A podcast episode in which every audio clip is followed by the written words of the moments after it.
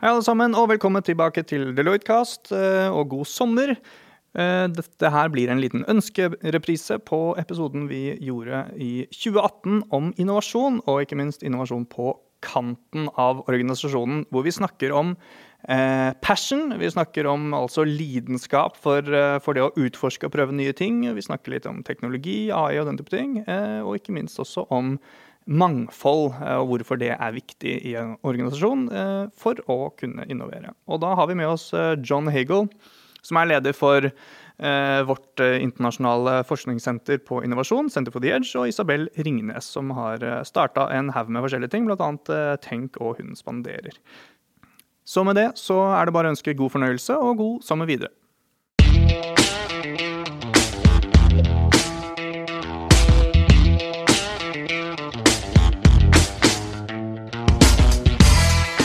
Welcome to another episode of uh, Deloitte Cast. We have an exciting extra episode today. Um, yes, we, indeed, uh, with international uh, guests. International guests, esteemed guests. Uh, yes. Um, we have uh, John Hagel, co-founder and leader of Deloitte's Research Center for Innovation, Technology, and Leadership. Would that be correct? Yeah. Sure. Sure. Why not? and and faculty at Singularity University, which uh, it's uh, yeah, we'll get into that. Okay. Um, and then uh, we also have uh, Isabelle. Uh, oh my God, my Ringnes. Your last name is like boom out of my head. You got you all know? that. I got, I got stressed out from you know.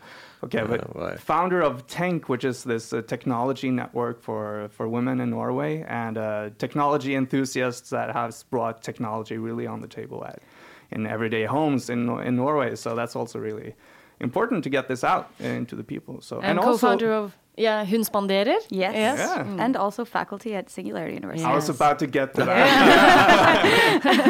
First participant and now and now faculty, which is yeah, yes. that must have been really cool. Yeah. So we actually have two colleagues here today that maybe haven't met before. So mm. yeah. yeah, that's great. So just we, maybe we could could start out like basic. Just you guys tell us a bit about who you are and and what you do. Isabelle. Okay, sure. So, uh, as you very well put it, I am the founder of Tenk. Uh, we work uh, mostly now with young girls to uh, inspire them to see technology and the opportunities and get their hands dirty with it. Uh, and also, I'm co founder of Hun Spanderer, and we work uh, with corporations to help them achieve gender equality, especially in leadership through technology. And yes, of course, I am faculty at SU Nordic predominantly, and uh, I uh, talk mostly about diversity. Hmm. Hmm. Hmm. And John, what about yourself? uh, so um, I've been in Silicon Valley for almost 40 years. Um, I was the founder of two tech startups. I worked with Atari in the video game business. I was Did you now? Senior executive in Atari. And I missed that one in my research. I'm quite a bit of a gamer, so we should have an extra episode. Ah, okay. and 11 years ago, I was recruited into Deloitte to uh, set up a new research center for them, the Center for the Edge. And um, the charter is basically identify emerging business opportunities that should be on the CEO's agenda but are not, and do the research to persuade them to put it on the agenda. So we try to stay one step ahead of most executives. So what's the what's the next step then? How many hours do we have? Yeah. a, lot, a, lot, of opportunities out there. That's let's that's great let's uh, thing. kick out with the with the common ground here, which is Singularity University, just to, to get that out of the way. And so, what is that all about, and and why do we need such a thing as Singularity University? Well, uh, Singularity University is a uh, global innovation and learning community uh, that uses and inspires others to use exponential technologies to solve humanity's biggest challenges. Uh, that's Ooh. very, very hmm. uh, high level put. Um, but uh, Singularity University is is basically a place for anyone who wants to have a positive impact on the world using technology, uh, and that could be for anyone being leaders, entrepreneurs, community builders, game changers, politicians. I mean, where does it even start uh, or stop? but, yeah. So, for those who don't need uh, know, what, what does singularity actually mean? Well, we should have we should have Ray Kurzweil here Yeah, right now. exactly. Um, well, do you want to? I, I I could give it a shot, but you could. No, I, I think it's it's a broad concept, but uh, Ray Kurzweil is one of the key, uh, one of the founders of Singularity University, and his focus was on there's going to be a certain period in time when machines become more intelligent than human beings, and that, that will be the singularity when we flip, you know, where the intelligence ultimately is, and so he's been very focused on how do we accelerate the movement towards Oh, that. so he wants to accelerate it, because that sounds like the point where we should begin to be kind of scared. Right? Yeah, I, I That's guess the he Terminator believes. moment, isn't it? Yeah, he believes that machine intelligence will be a billion times smarter than all humans on Earth combined, which is pretty smart. so, and the point uh, of singularity is now estimated to is it year 2045? Is It's it? it, yeah, but it keeps being adjusted. I know. It's getting closer. we'll see. It's getting closer and closer. And the, the other term that you used was exponential technologies. And I'm also curious if you think that is technology still actually exponential? Because, I mean, has pr- processing power and all of that kind of, is it flattening out or how is that going? No, I mean, I think there it's flattening out for certain approaches to processing, but every time it starts to flatten, somebody comes up with a different approach Wow. that gets to that next level of exponential improvement. And I think the interesting thing, which is a big focus for Singularity, is it's, you know, it used to be just about computing power and storage and bandwidth, but increasingly now it's about a whole an expanding range of technologies, everything from alternative energy technologies to biosynthesis that are showing similar kind of exponential rates of improvement and it's the combination of all these technologies that ultimately is going to create the most opportunity. And Isabelle, you started there as a participant first.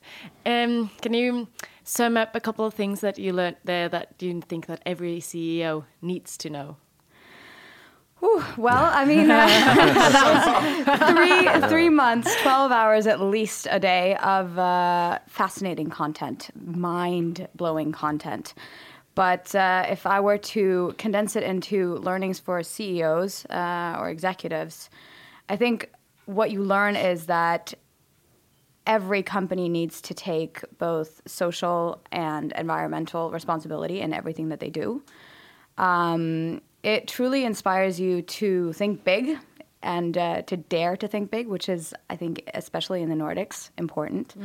And uh, inspires you to see how the convergence of the exponential technologies might be either an opportunity or a threat to your business, and uh, how you might want to rethink your business. Uh, and finally, that the future is as bright and abundant as we make it ourselves. I mean, technology is honestly nothing without the people getting it there.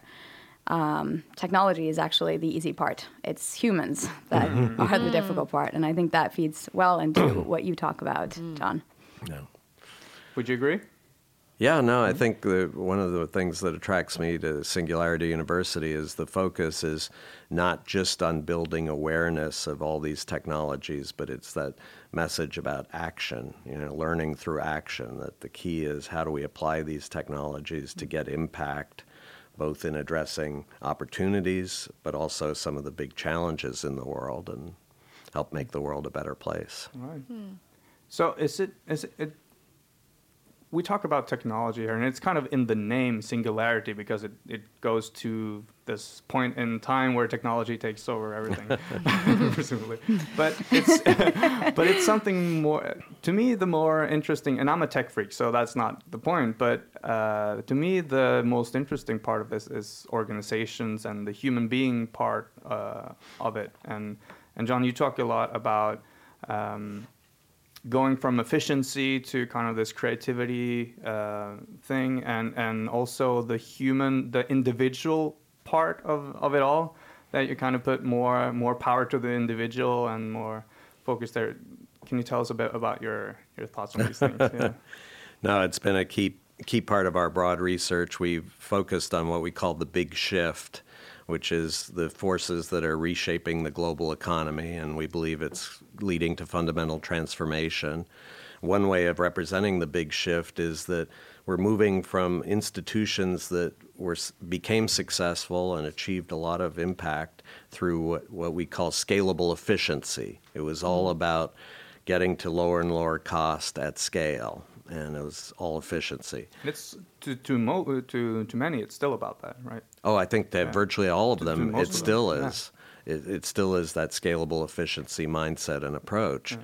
And our belief is that is a, a losing game. It, it, it buys some time because, but it's a diminishing returns. The more efficient you become, the longer and harder you have to work to get that next increment of performance. Mm. And that the key in an exponential world that's changing at an accelerating rate is how do you move to what we describe as scalable learning, where the whole focus of the institution is how can we help everybody learn faster to get higher and higher levels of value into the marketplace. Mm-hmm. And that that's ultimately going to be the key to success in an exponential world. It harnesses the opportunities that are created by the technology to create more and more value. And can you tell a bit more about how scalable learning links with innovation? Yeah, I mean, I, it's um, I, I actually am a bit of a, a nervous about innovation because Ah, okay. it it tends to be viewed again in most traditional companies as oh we need an innovation lab somewhere and often in Silicon Valley. Virtually every large company around the world has an innovation lab in Silicon Valley. That's where our innovation occurs. Check. Everybody else, just do your Keep job doing it, yeah. and do it as is specified and reliably without failure. And that's the key to success. And our view is that actually everyone in the organization needs to be learning in the form of how can we create more and more value.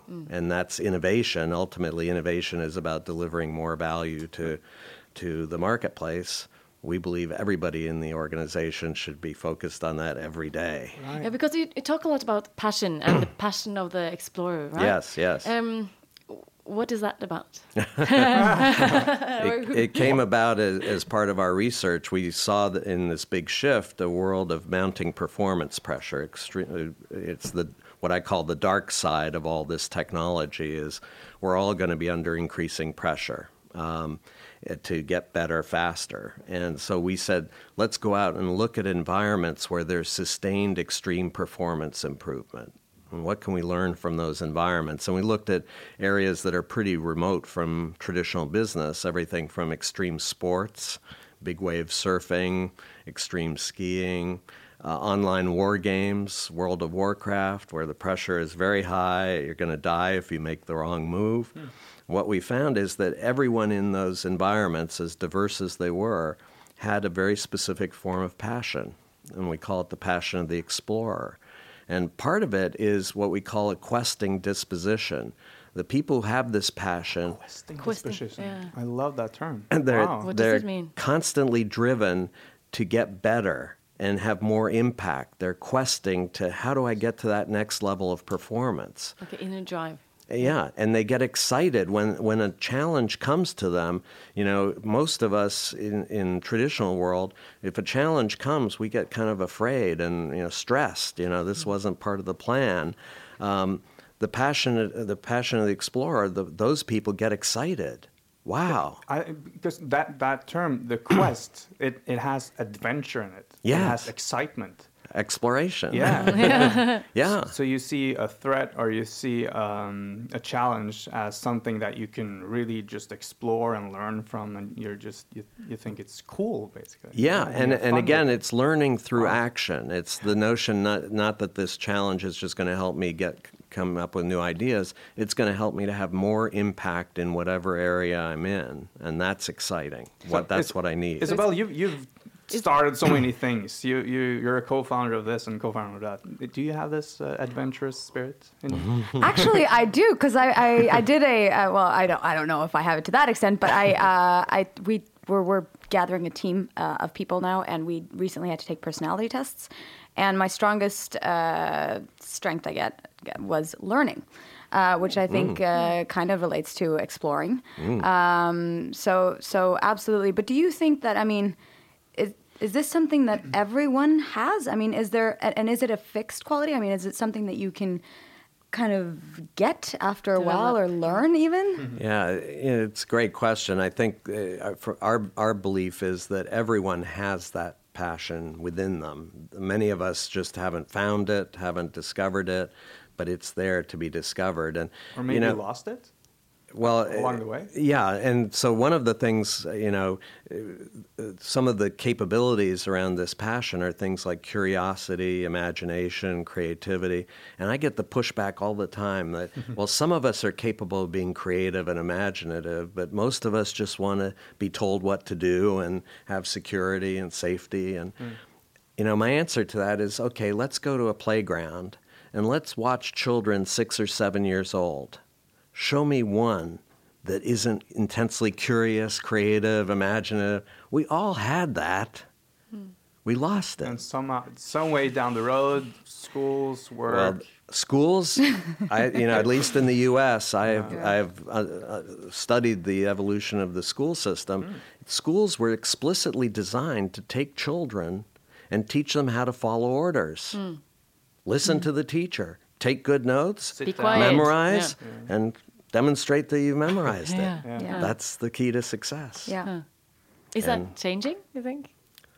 Not fast enough. I mean, again, I think there's a huge disconnect between what we're doing to prepare the children for the world and what the world really needs. And um, Is that something that you are um, thinking about when it comes to Singularity University? Or?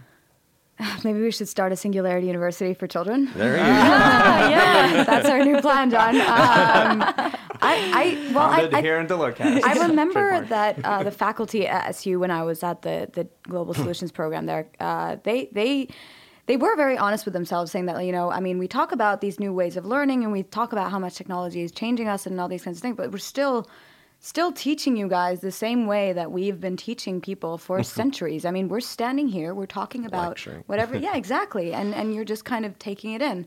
We're not really thinking hardly about how we should reinvent learning. I know that there are exciting projects everywhere, but we're not really at the next step where we're truly getting the full potential out of every student, be it an adult or a mm-hmm. child.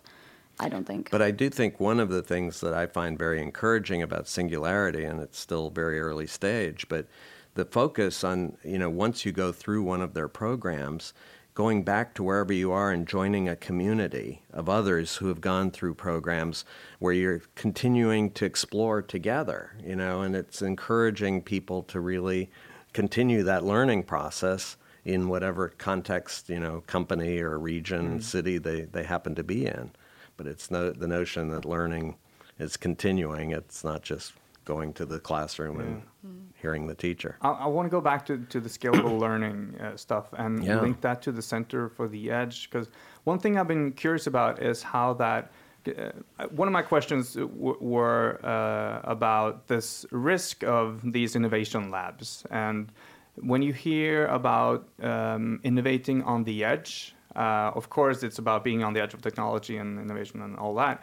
But it's also about kind of isolating and letting somebody go ahead on their own, isn't it? So, so wh- is there a tension here? I, I just Huge tension. Yeah. I, again, I'm, I'm a bit uh, extreme about it, but um, and by the way, the co-founder of, of the Center for the Edge with me was the man who ran the uh, Palo Alto Research Center for Xerox for several decades, one of the biggest innovation centers in in uh, in Silicon Valley.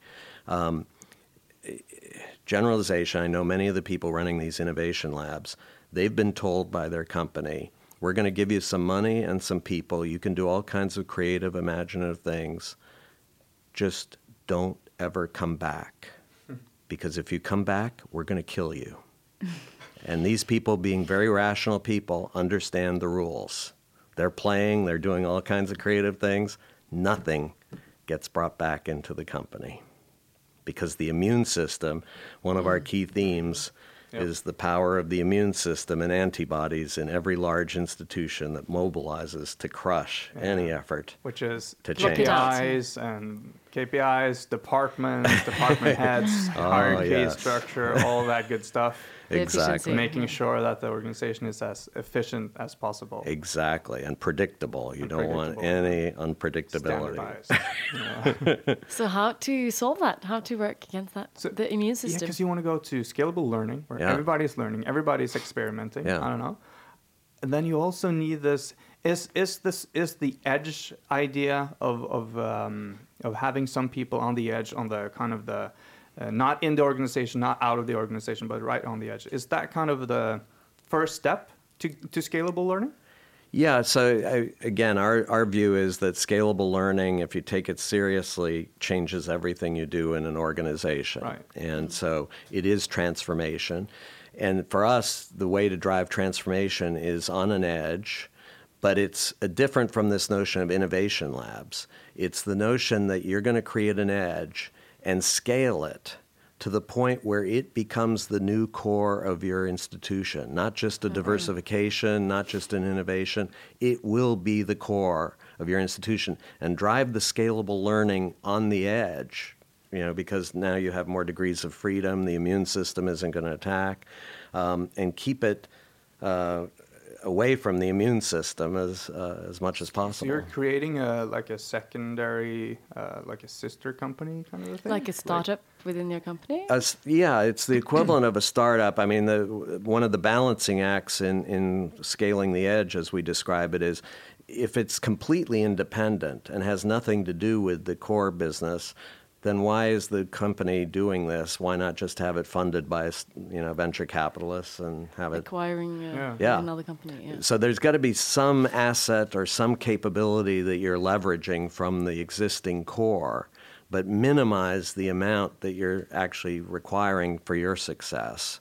Um, and then focus on doing everything else as independently as possible so that you, again, the more dependent you are on the core, the more the immune system will be able to control you and limit your ability to scale and ultimately crush you.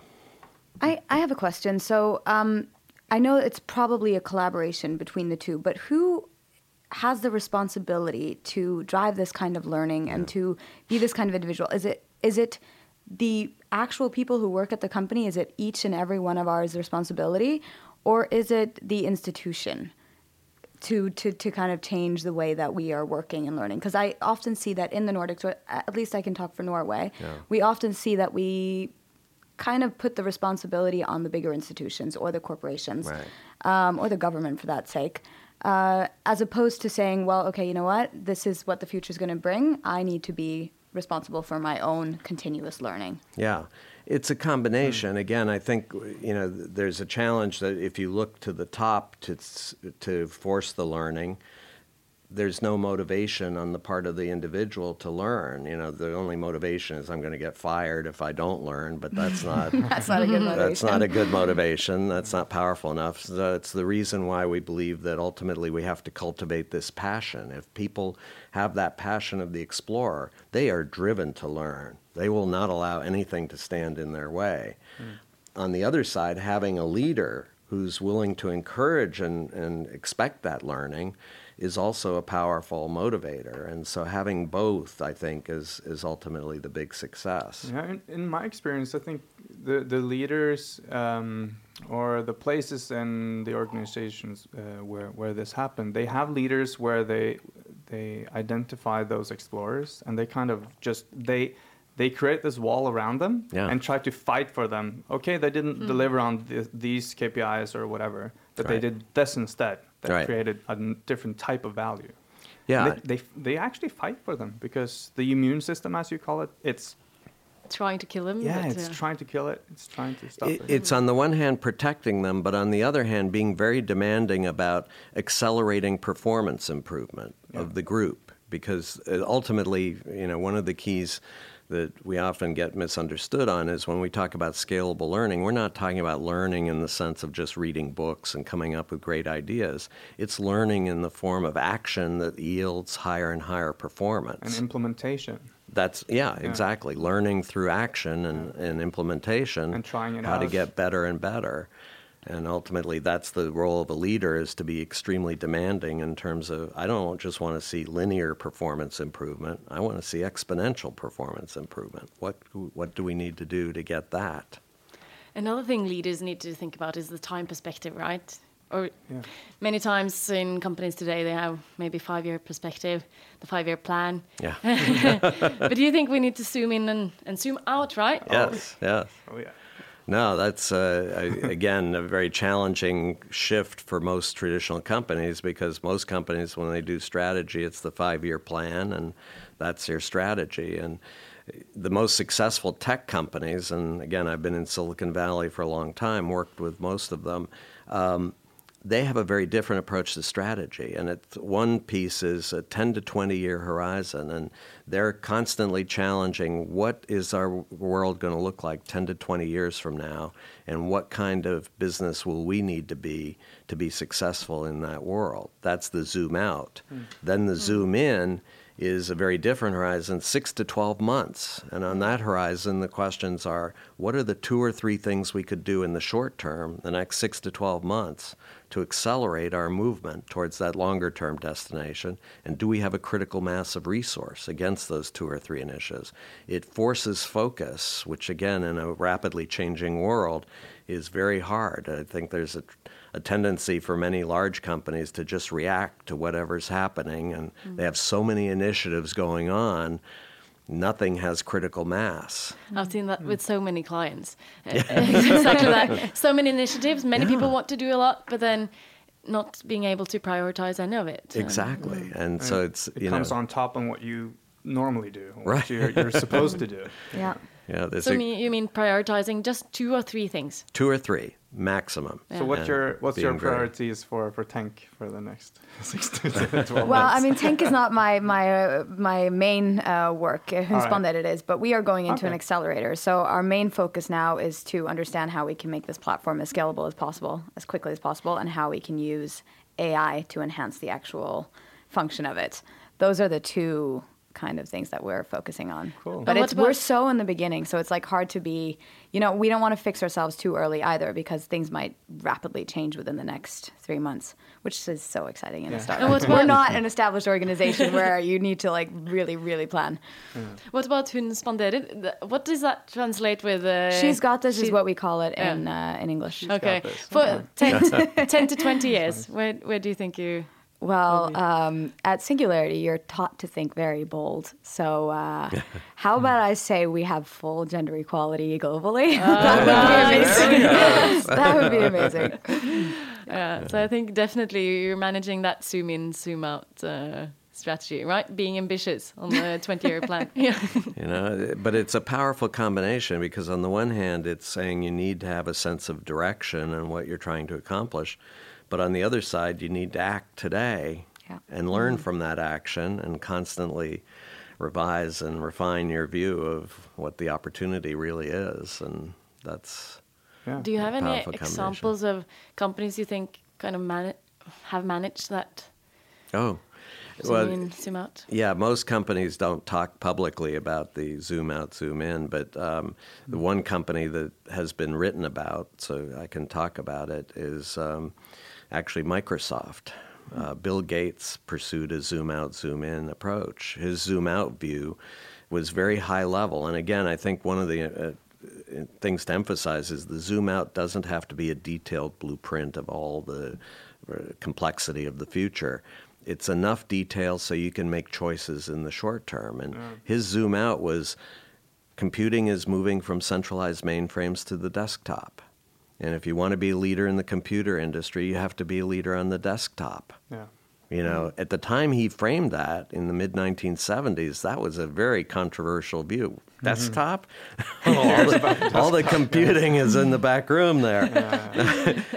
but it for, it focused him and gave him the ability in the short term to really identify what were the things that would help to get that leadership on the desktop. And a few years later, it turned back into cloud cloud computing and away from the desktop. Well, and I think that's one of the issues is you can say that uh, they they didn't refine the zoom out view. The zoom out for a view. long time they didn't. Yeah. yeah, so it worked for 20 years. I mean, that was a very powerful, you know, direction.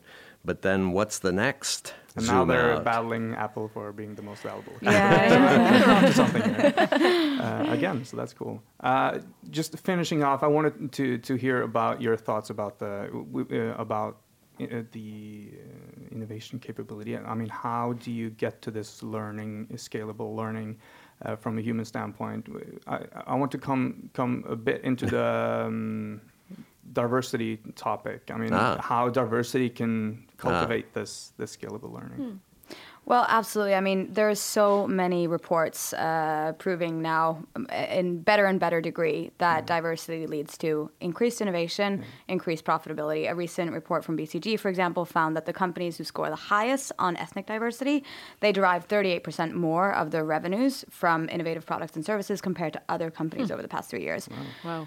And it's also uh, proven that, you know, it's not enough to just have a 50-50 gender balance in the company. You actually need to have at least 20% women in leadership in order to see any kind of impact on revenues. Um, Okay, so, so, there's a there's a, like a, a place where nothing like up to thirty, there's no real difference, but then yeah, up to 20. Um, 20. But I'll, I would should go for 30 if you, if you want to. of course we should go for 30. yeah, no, 20 of course. 50, 50. very low. Yeah, exactly. Um, no, so so there's there's a lot of research that proves the benefits of diversity, and I think it's it's pretty obvious if you think about it. So I mean, it's it's it's a lot of people would say that it's kind of hard to work in diverse teams because there's friction. I mean, there's opposing ideas, there's opposing perspectives. We love, I mean, we have an inherent bias to literally love working with people who are like ourselves. It feels comfortable uh, to, you know, have the same kind of friends or experiences or be laughing at the same jokes. But it doesn't necessarily result in good ideas because they're basically not challenging each other at Yeah, all. Just agreeing. Yeah. Uh, Just agreeing. Um, whilst diversity brings a lot of different perspectives to the table, it uh, perhaps opens completely new avenues of thinking. Uh, and uh, it ultimately, I mean, if we are to believe an increasing amount of research does lead to better products and better ideas and better services. So I think diversity should be something that every single company, uh, along with your ideas, uh, focuses on and definitely prioritizes. You know, well, it's a key part of our view of scalable learning is is harnessing that diversity. And I will say, frankly, one of the biggest crimes I see in large institutions is they're now beginning to adopt diversity. And what it means is getting around the table, diverse gender, diverse ethnicity, diverse age. But then the message, once you're all sitting around the table, is follow the leader. And the leader tends to be an older white guy mm. do whatever you can to imitate him because that's the way to be successful. Ah. And the number of women that I know who are trying to become men in these institutions because friction is bad. You don't want to be the troublemaker, the challenger. You want to, you know, get ahead. And so it, it, it limits that opportunity to really harness the power of the diversity, to mm-hmm. challenge each other and get to better and better ideas and outcomes. And Yeah, so that's, I mean, that could be solved by a combination of things, but obviously you have to have leadership that's a lot more inclusive and that understands that that's not the way you should lead a table. Right. Um, and the other thing is, is something about critical mass, meaning that 30% of a minority should be present in order for any person to be able to represent themselves To be as opposed to the comfortable, kind minority. of? Yeah, Yeah. exactly. To be comfortable to speak up and all these kinds of things. And in very male dominated um, working environments, it's very common that if you are the only woman, you don't necessarily want to be recognized for the fact that you are a woman, which you often become in those settings. You want to be recognized for what you know, who you are, your skills, Yeah. your capabilities. Um, and if you are then in a case where you're uh, one woman in a group of 10 uh, men, you have a tendency to converge and to kind of step away from all kind of gender stereotypes that would be um, related to females because you just uh, don't want people to see you as a woman. You want people to see you as others. And that's how you become kind of more male than the actual leader. Yeah, trying to be Um, the same. Yeah. Yeah. So, but this can be solved by just making sure that it's uh, it's. I mean, it feels in, in, inclusive and it feels okay to be yourself. It feels encouraged to be yourself, as anyone basically. I mean, it, diversity is a lot of different things, not just gender, but also. It's- It sounds like we go full circle back to the adventurous, to the curiosity, and not just technology and, and uh, solutions, but also other people. Yeah, yeah, yeah, definitely. Yeah. Okay, cool. I, I we we could have sat here all day and talked. so, Fantastic to have you both here. Unfortunately, our time is up, Yeah. and uh, to all the, the listeners out there, thank you for uh, for listening in, and uh, I hope you learned something. I certainly did. Uh, I did too. Yeah. I did as well. Thank you. Great to have you here, and, and best of luck with uh, your important work, both of you. Thank, Thank you. Thank you for having us. Thank you.